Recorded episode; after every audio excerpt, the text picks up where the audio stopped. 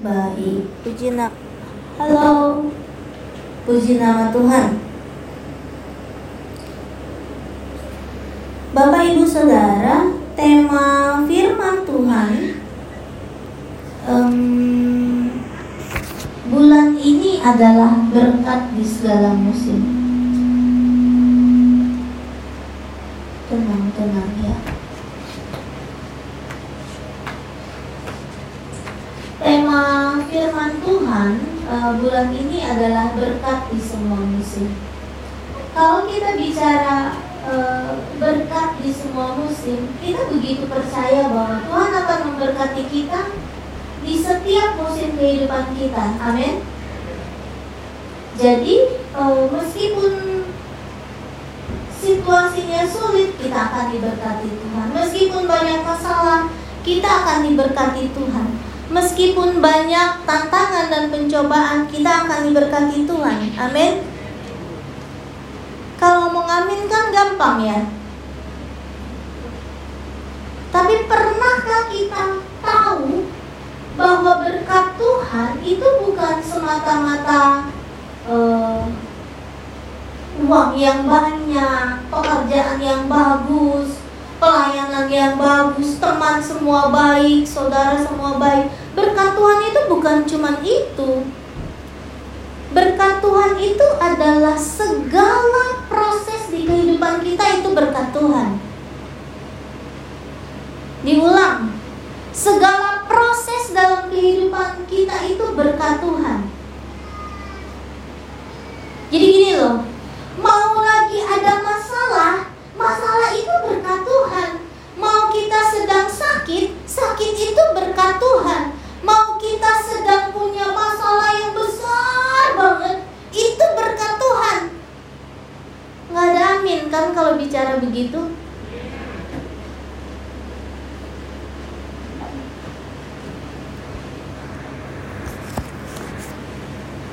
Gini Bapak Ibu Saudara ya, kita mesti sampai kepada level itu.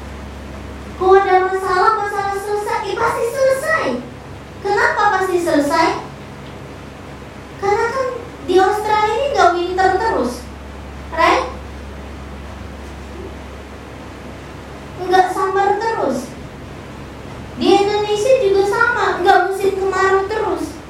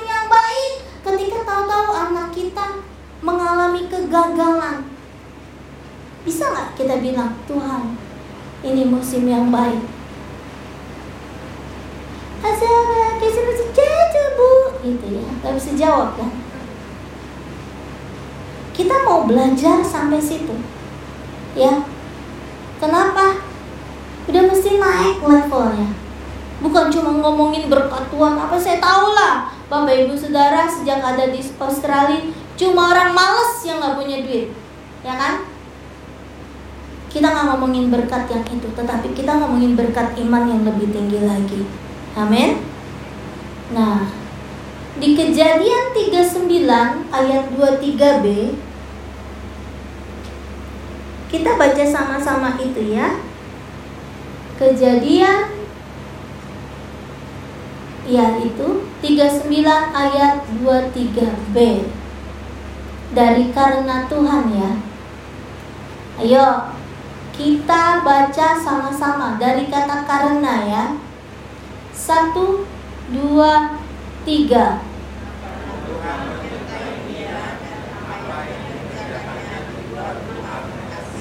Amin.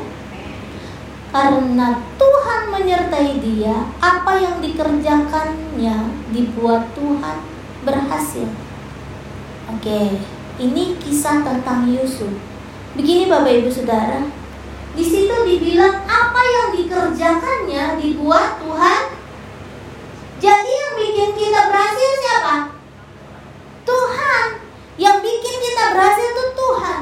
Bukan kerja keras kita, bukan koneksi kita, bukan uh, banyaknya jam kerja kita, tapi itu Tuhan. Ini yang mesti kita ngerti dulu di awal. Dan kalau kita bilang di situ dibilang Tuhan menyertai. Bapak Ibu Saudara, Bapak Ibu Saudara tahu kisah uh, Yusuf kan? Tahu nggak? Saya kasih pertanyaan nih, siapa yang tahu jawabannya? Nanti saya kasih hadiah. Ada yang tahu siapa istrinya Yusuf?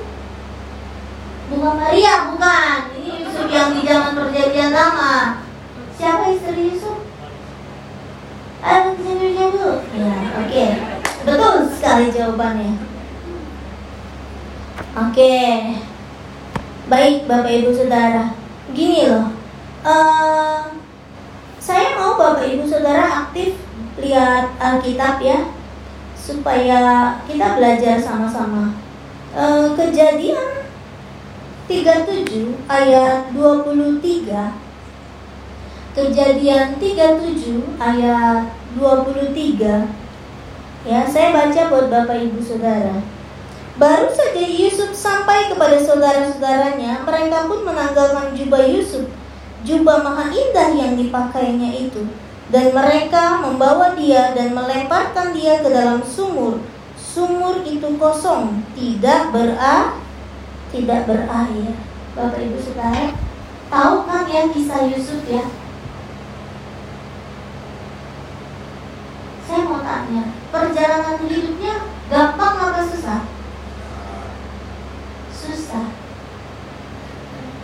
Oke, kita lihat ke powerpointnya. Coba uh, kakak Santi. Ya, Susanti ya yang jaga. Ah, ini. Bagaimana Tuhan bisa memberkati kita di semua musim hidup kita. Yang pertama adalah setia pada proses Tuhan. Saya cuma punya dua poin. Cuma setiap poin ada tiga atau empat. Sab. Bagaimana supaya Tuhan memberkati kita di segala musim kehidupan kita? Satu, setia sama proses Tuhan. Apa artinya? Yang pertama, rela diperlakukan tidak adil anak-anak orang tua di sini sering kan? Ketemu anaknya yang masih kecil yang baru mungkin segede Gwen atau yang lebih gede lagi segede Jason. Sering kan ngomong bilang apa? It's not fair mami. It's not fair. Apa fair fair fair fair, fair. Mereka kan bilang gak adil mami. Gitu ya. Anak kecil udah bisa bilang gak adil. Bapak ibu saudara kisahnya Yusuf Yusuf diperlakukan tidak adil. Dan kita paling gak suka kalau diperlakukan gak adil. Kita merasa marah. Kita ingin menunjukkan siapa kita right? Ya gak di tempat kerja contoh. Kita udah kerja bagus-bagus nih. Terus orang lain yang dinaikin gaji, kita akan merasa ah, kesel. Kita mau ah, kita langsung tepuk meja dan bilang, emang kerjaan cuma di sini doang. Siapa yang begitu? Jangan angkat tangan. Kita akan bilang, eh, company ini loh yang butuh aku, tempat kerja ini loh yang butuh aku, merasa tidak diperlakukan dengan adil. Kurang tidak diperlakukan adil apa sama saudara-saudaranya? Kalau kita baik-baik aja di tempat kerja, gampang nyanyi bersama Tuhan, uh, keluar air mata, gampang. Tapi ketika sedang tidak di, diperlakukan dengan tidak adil, susah nyanyi begitu.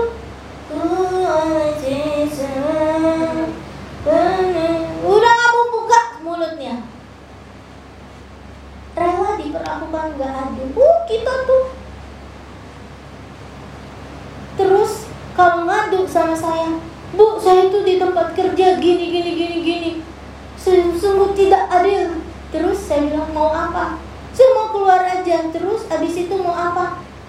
Cari yang lain. Oke, terus abis itu mau apa? Dapat pekerjaan yang baru. Terus abis itu mau apa?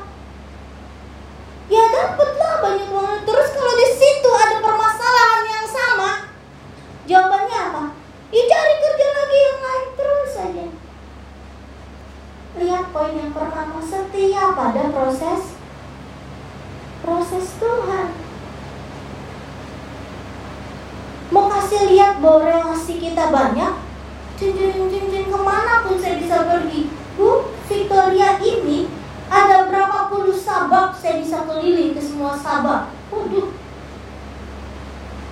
nggak ada di sini, ada di Footscray, nggak ada di sini, ada di Altona, nggak ada di Altona, ada di mana lagi? Saya nggak hafal nama-nama sabak, maaf.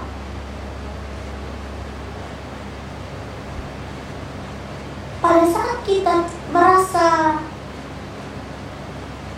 perlu memberontak dari ketidakadilan, cerminnya itu cuma satu, Yesus. Seberapa banyak sih hal yang Yesus alami dan diperlakukan dengan tidak adil dan dia diam aja. Bu, saya bukan Yesus. Ini Yusuf diperlakukan tidak adil, diam aja. Bu, saya bukan Yusuf. Oke. Yusuf keturunannya Abraham. Abraham bapak orang beriman. Kita anak-anaknya Abraham. Kita anak-anaknya Yesus. Terus kita kalau nggak mau belajar dari Yusuf, nggak mau belajar sama Yesus, kita mau belajar sama siapa? Halo? Mau belajar sama siapa? Masih belajar jam-jam?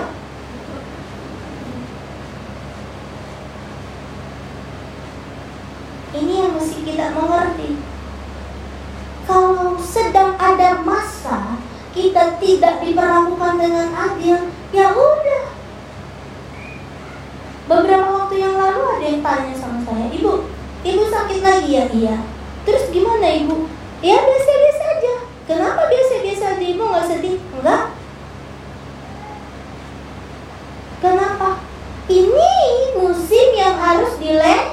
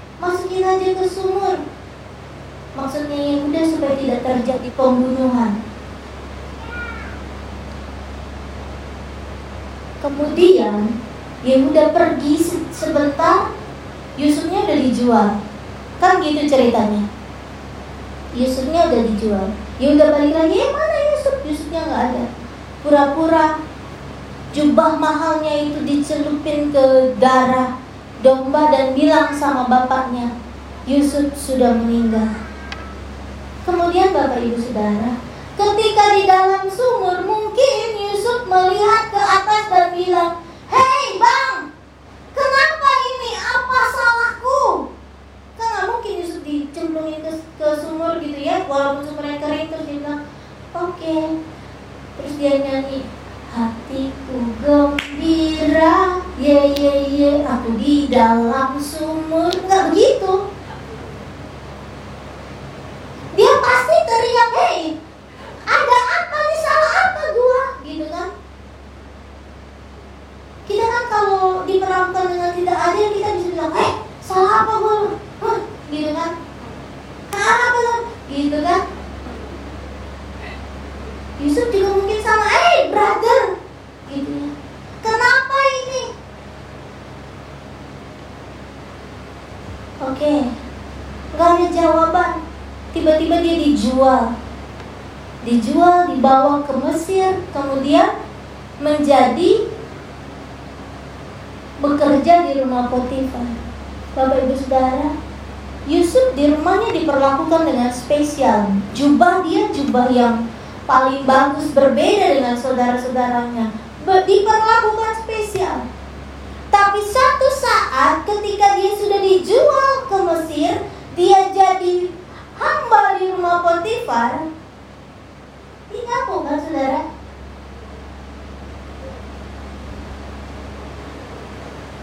Ada yang dari Malaysia kerjanya di belakang meja ya ada yang bantu oh gitu ya gitu ya. Terus sampai Australia.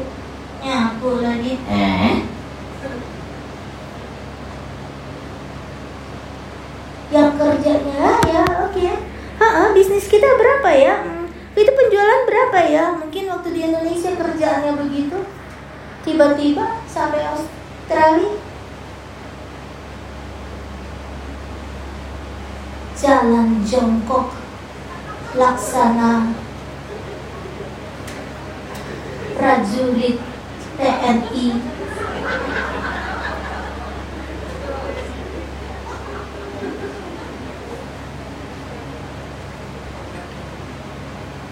Yusuf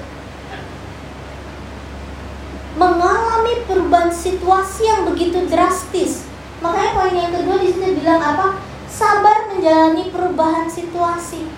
Ya udah situasinya lagi begini mau apa? Sabar aja dulu.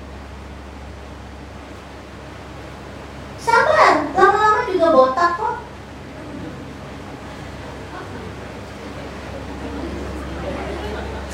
Itu Pak Regi ya makanya dia pakai topi terus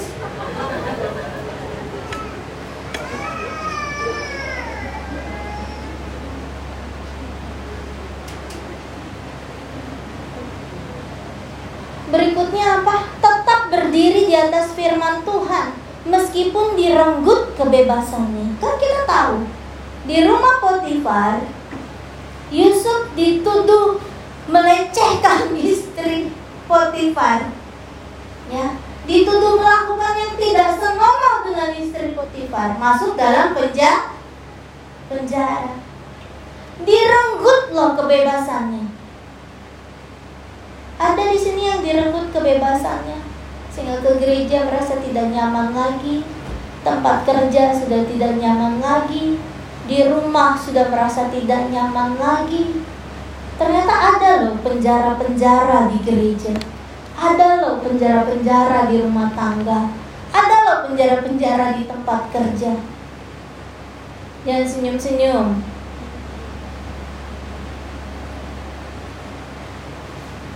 Gimana nih saya lepas dari rumah tangga yang kayak begini?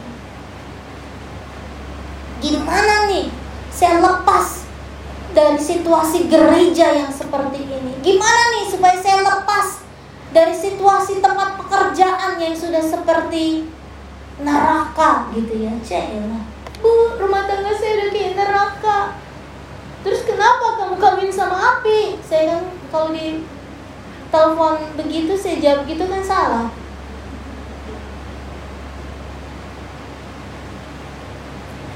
Yusuf di dalam penjara Alkitab bilang dia diberkati disertai Tuhan. Apa yang dikerjakannya berhak berhasil jadi di penjara it's okay.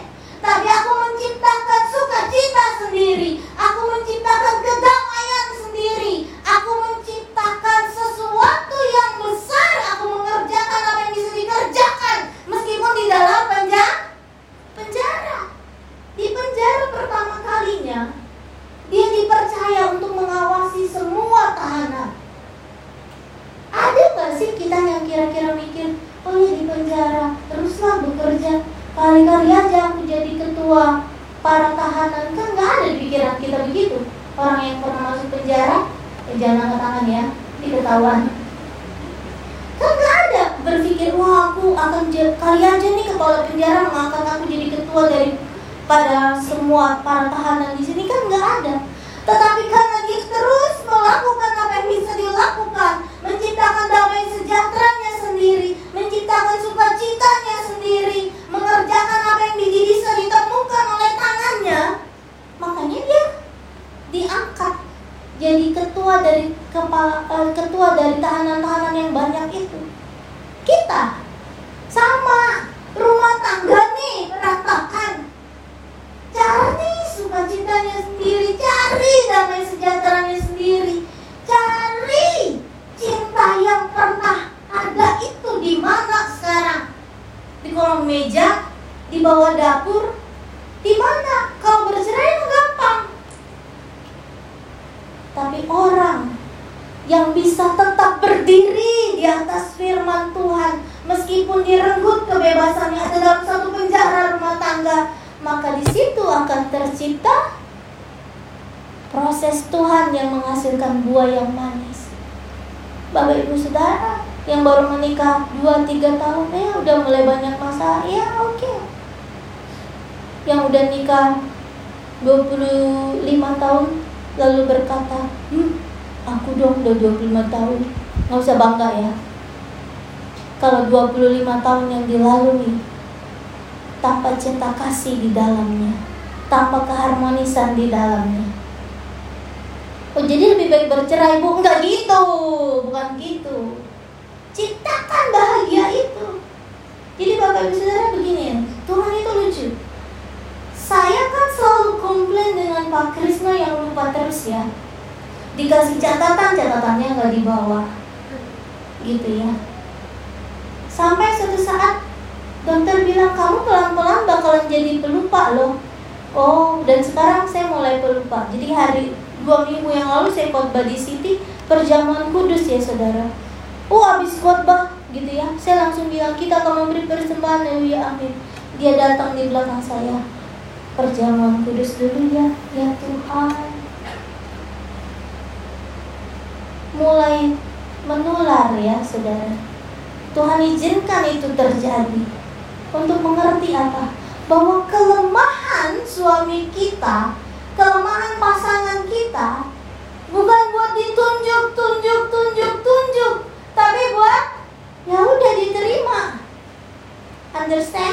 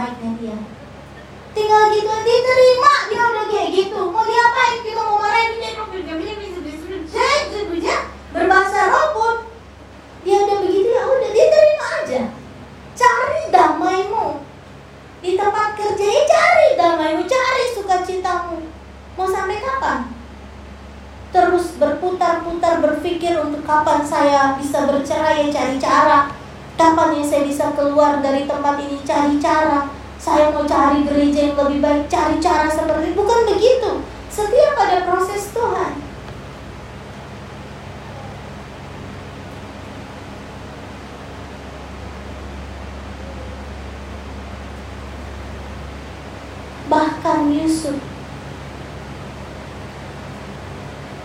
ketika dia sudah jadi tangan kanannya Firaun, saya bilang. Bahkan Yusuf setelah menjadi tangan kanannya Firaun, dia tidak menikah dengan orang Mesir. Orang Mesir banyak yang cantik, banyak. Tapi dia memilih menikah dengan anak seorang imam kedudukannya, harta yang sudah diterima, kekuasaan yang dia punya tidak berubah. Iman percayanya di hadapan Tuhan. Itu.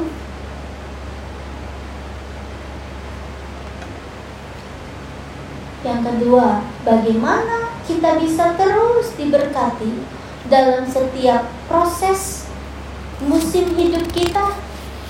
Tuh, menjadi berkat di setiap musim kehidupan. Apa sih maksudnya? Kalau kita lagi bahagia berkati orang, amin. Kalau kita lagi bahagia, kita harus memberkati orang, amin. Kalau kita sedang banyak berkat, berkati orang lain, amin. Kalau kita sedang miskin, berkati orang lain. Amin. Beneran loh ini amin loh. Ada malaikat menjaga nih, mencatat. Kalau kita sedang kekurangan, kita harus memberkati orang lain. Amin. Makin kecil aminnya. Tadi nggak sadar kan? Kalau kita miskin berkati orang lain, amin. Amin. Eh, eh, kita miskin memberkati orang lain. Gajah mau ngejar gajah.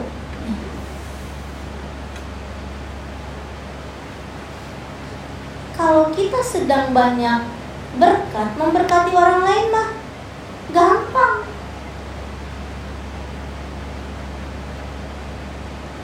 Tapi bagaimana kita tetap bisa memberkati orang lain meskipun situasi kita sulit? Artinya begini. Bisa nggak nih kita menjadi orang yang menularkan sukacita pada saat kita sedang dalam tekan tekanan. Bisa nggak nih kita bisa menciptakan sukacita dan damai sejahtera pada saat kita baru saja berurai air mata? Keseringannya kita kan ngajakin orang lain nangis kan? cerita nih sama temannya. Halo gue lagi ada masalah nih. Oh kamu gitu gitu ya? Oh ya udah berdoa aja. Eh berdoa aja. Bukannya dengerin bener-bener malah nyuruh berdoa kita. Kita tinggalin teman yang kayak gitu kan? Kita cari teman yang mau nangis bareng kita. Eh aku lagi ada masalah nih ngomong gini oh iya ya oh, iya, emang sih dia mah begitu cukup gitu oh dasar kurang ajar dia gitu. Iya kan? Lu kan tahu gue nah, ya bapak ibu saudara. Kita suka mengajak orang lain menangis bersama-sama atas masalah kita. Right? Yang Tuhan mau.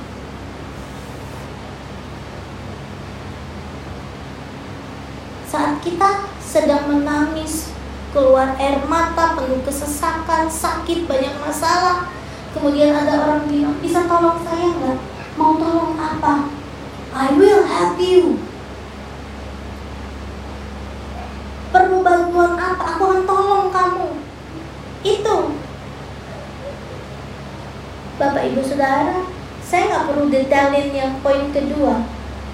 Yusuf tidak membalas kejahatan dengan kejahatan. Yusuf bisa balas nggak saudara-saudaranya yang datang ketika musim kemarau tiba? Ya, tidak ada gandum sama sekali di tanah Israel sehingga saudara-saudaranya harus datang ke Mesir untuk membeli gandum, membeli gandum kepada Yusuf. Yusuf yang sudah jadi tangan kanannya Firaun. Dia tinggal, dia nggak usah ngomong saudara. Kalau pangkat kita udah tinggi kan nggak usah ngomong, tinggal bilang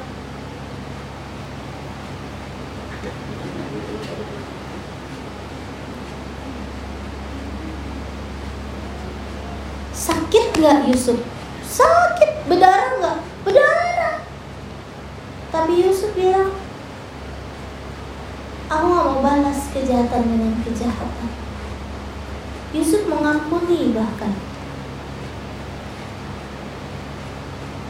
Coba kita lihat di kejadian 45 ayat 1 ayat 14 kejadian 45 Ayo aktif buka handphonenya setelah buat story tentang saya yang lagi foto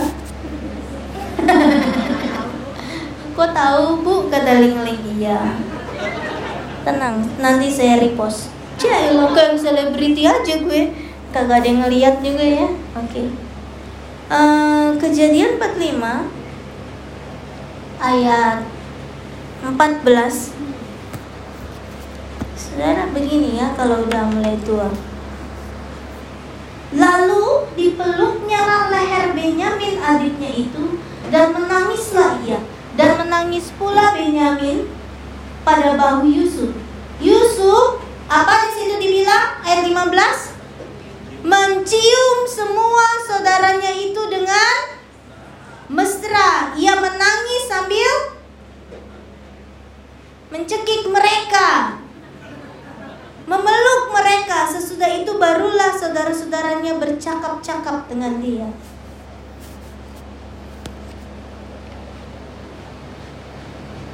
Yusuf tidak membalas kejahatan dengan kejahatan. Yusuf mengampuni. Bahkan Yusuf member memberkati. Menciumlah, memeluk. Di situ ditambah kata dengan dengan mesra. Saudara kan kalau suami kalau di film-film sini suami kita mau pergi kerja, aku pergi kerja ya gitu. Ya. Terus kita mau peluk, kita tahu kan peluk yang cepet-cepet sama yang eh, eh, eh, jangan pergi gitu ya.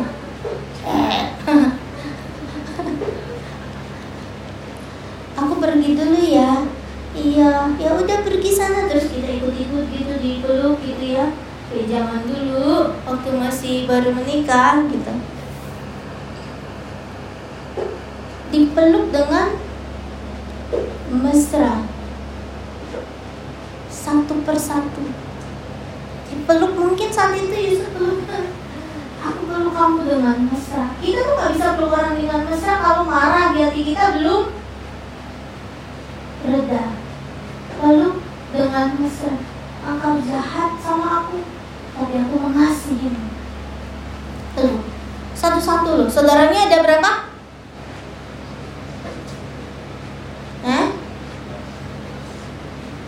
11 sama Yusuf 12 rutin satu-satu.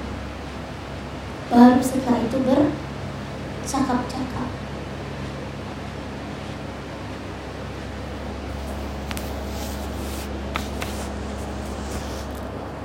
Lihat deh yang powerpoint berikutnya. Menjadi berkat di setiap musim kehidupan kita. Menghargai proses kehidupan kita maupun proses kehidupan orang lain. Ini yang penting. Ayo, ikutin saya ngomong menghargai semua proses kehidupan kita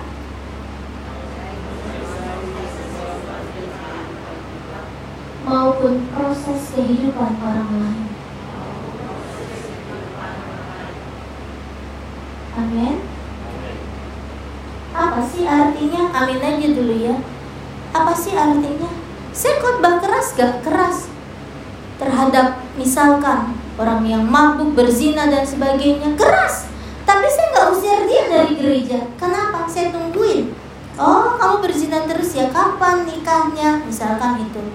Terus orang masih mabuk, mabuk terus ya? Kapan berhentinya? Nggak di dari gereja. Karena apa? Karena saya tahu setiap orang punya proses sendiri untuk berbalik kepada Allah. Karena saya tahu orang punya proses sendiri untuk mendekat kepada Allah.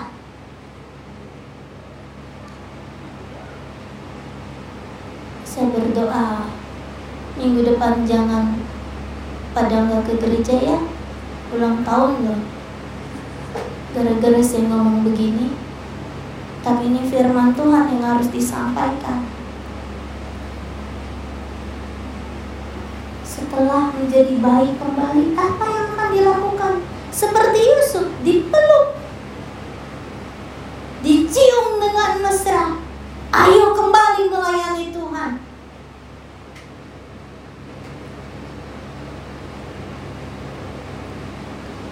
Menjadi berkat di semua musim kehidupan.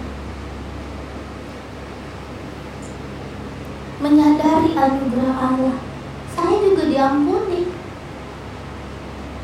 masa saya nggak mengampuni orang saya juga diampuni saya juga diberkati masa nggak mau memberkati orang saya kasih saya persingkat kalau saya dengan cerita yang terakhir dari Yusuf Yusuf suatu saat bapaknya Yakub sudah tua meninggal dia berkati anaknya Yusuf si Manasya dan Efraim kemudian nggak lama Bapak Yakub meninggal, apa yang terjadi setelah Bapak Yakub meninggal? Saudara-saudaranya, kecuali Benyamin, sepuluh saudaranya ketakutan. Jangan-jangan setelah papa kita mati, baru nih Yusuf balas dendam. Kita kan jahat banget sama dia. Itu ada loh di Alkitab ya. Nanti Bapak Ibu Saudara baca di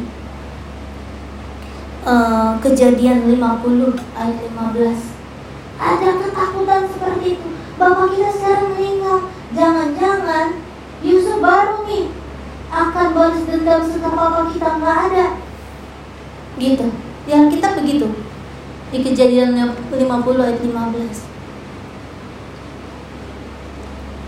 Tapi Yusuf tahu itu. Yusuf samperin dan bilang, Kenapa kamu? Aku takut kamu balas dendam sekarang setelah bapak kita nggak ada. Yusuf bilang apa? Tuhankah aku? Kata dia. Walaupun dia gubernur di Mesir. He can do it? Yes. Mau potong lehernya, mau cincang-cincang saudaranya. Dia bisa lakukan. Tapi dia bilang, Allahkah aku? Bukan. Banyak dari bahwa saudaranya sudah selesai dengan setiap kesalahannya sudah bertobat atas segala kesalahannya oke okay?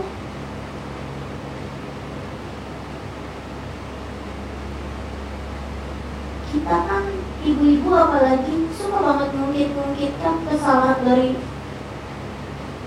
10 tahun 15 tahun yang lalu masih diungkit Gak boleh Karena harus selesai Saya bahagia lihat anak-anak komsel Malaysia Saya puji-puji ya Saya tahu ada yang berantem satu dengan yang lain Ada yang kesel satu dengan yang lain By time Seiring berjalannya waktu saling mengampuni, makan lagi, pergi lagi camping, pergi lagi memancing. Itu yang Tuhan mau. Bukan terus simpen marah, simpen kebencian. Karena kalau kita lakukan itu, pantas ya. Musim kehidupanku saat ini tidak diberkati. Karena di tengah kesesakanku, aku nggak bisa jadi berkat. Di tengah masalahku, di tekanan hidupku, aku nggak bisa jadi berkat.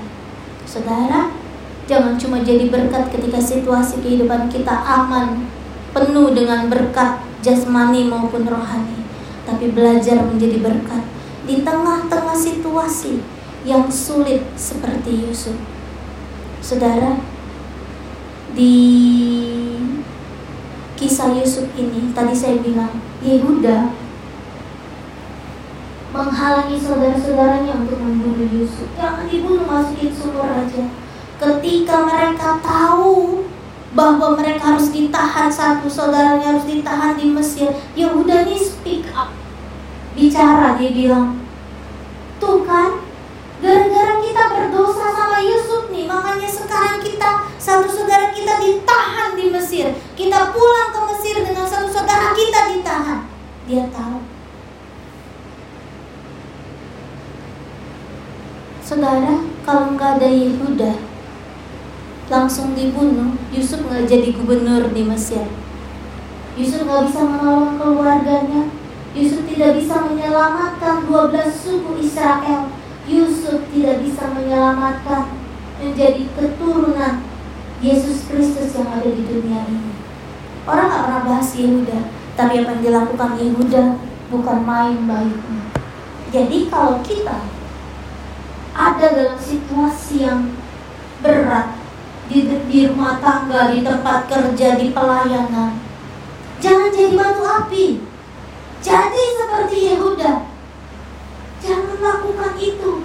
Usahakan supaya Yehuda masukin sumur aja. Jangan dibunuh. Bukan jadi orang yang jadi batu api. Ayo terus biar terbakar. Bukan itu yang harus dilakukan. Jadi seperti Yehuda. Amin even semuanya nggak dengar, even akhirnya Yusuf dijual, tapi Tuhan membuat itu menjadi kebaikan di kemudian hari. Bapak Ibu Saudara, saya berhenti berbicara malam hari ini. Kehidupan kita akan diberkati Tuhan secara jasmani itu pasti. Tetapi secara rohani kita harus mengerti bahwa yang Tuhan mau di kehidupan kita menjadi berkat meskipun kita dalam kesesakan menjadi berkat meskipun kita kekurangan. Hari ini tadi saya duduk di situ. Bu Febo salamin saya terus bilang Ibu kenapa tongkatnya dibawa? Cuma di sini loh yang gembala boleh dimarahin sama jemaatnya. Kan ibu berdirinya nggak lama jalannya juga nggak jauh. Iya iya iya saya membutkan tapi saya ntar potah oh ya udah saya belajar saya belajar naik ke atas nggak pakai tongkat karena walaupun sebetulnya saya cuma tahan 30 menit berdiri tapi mungkin ini udah 45 menit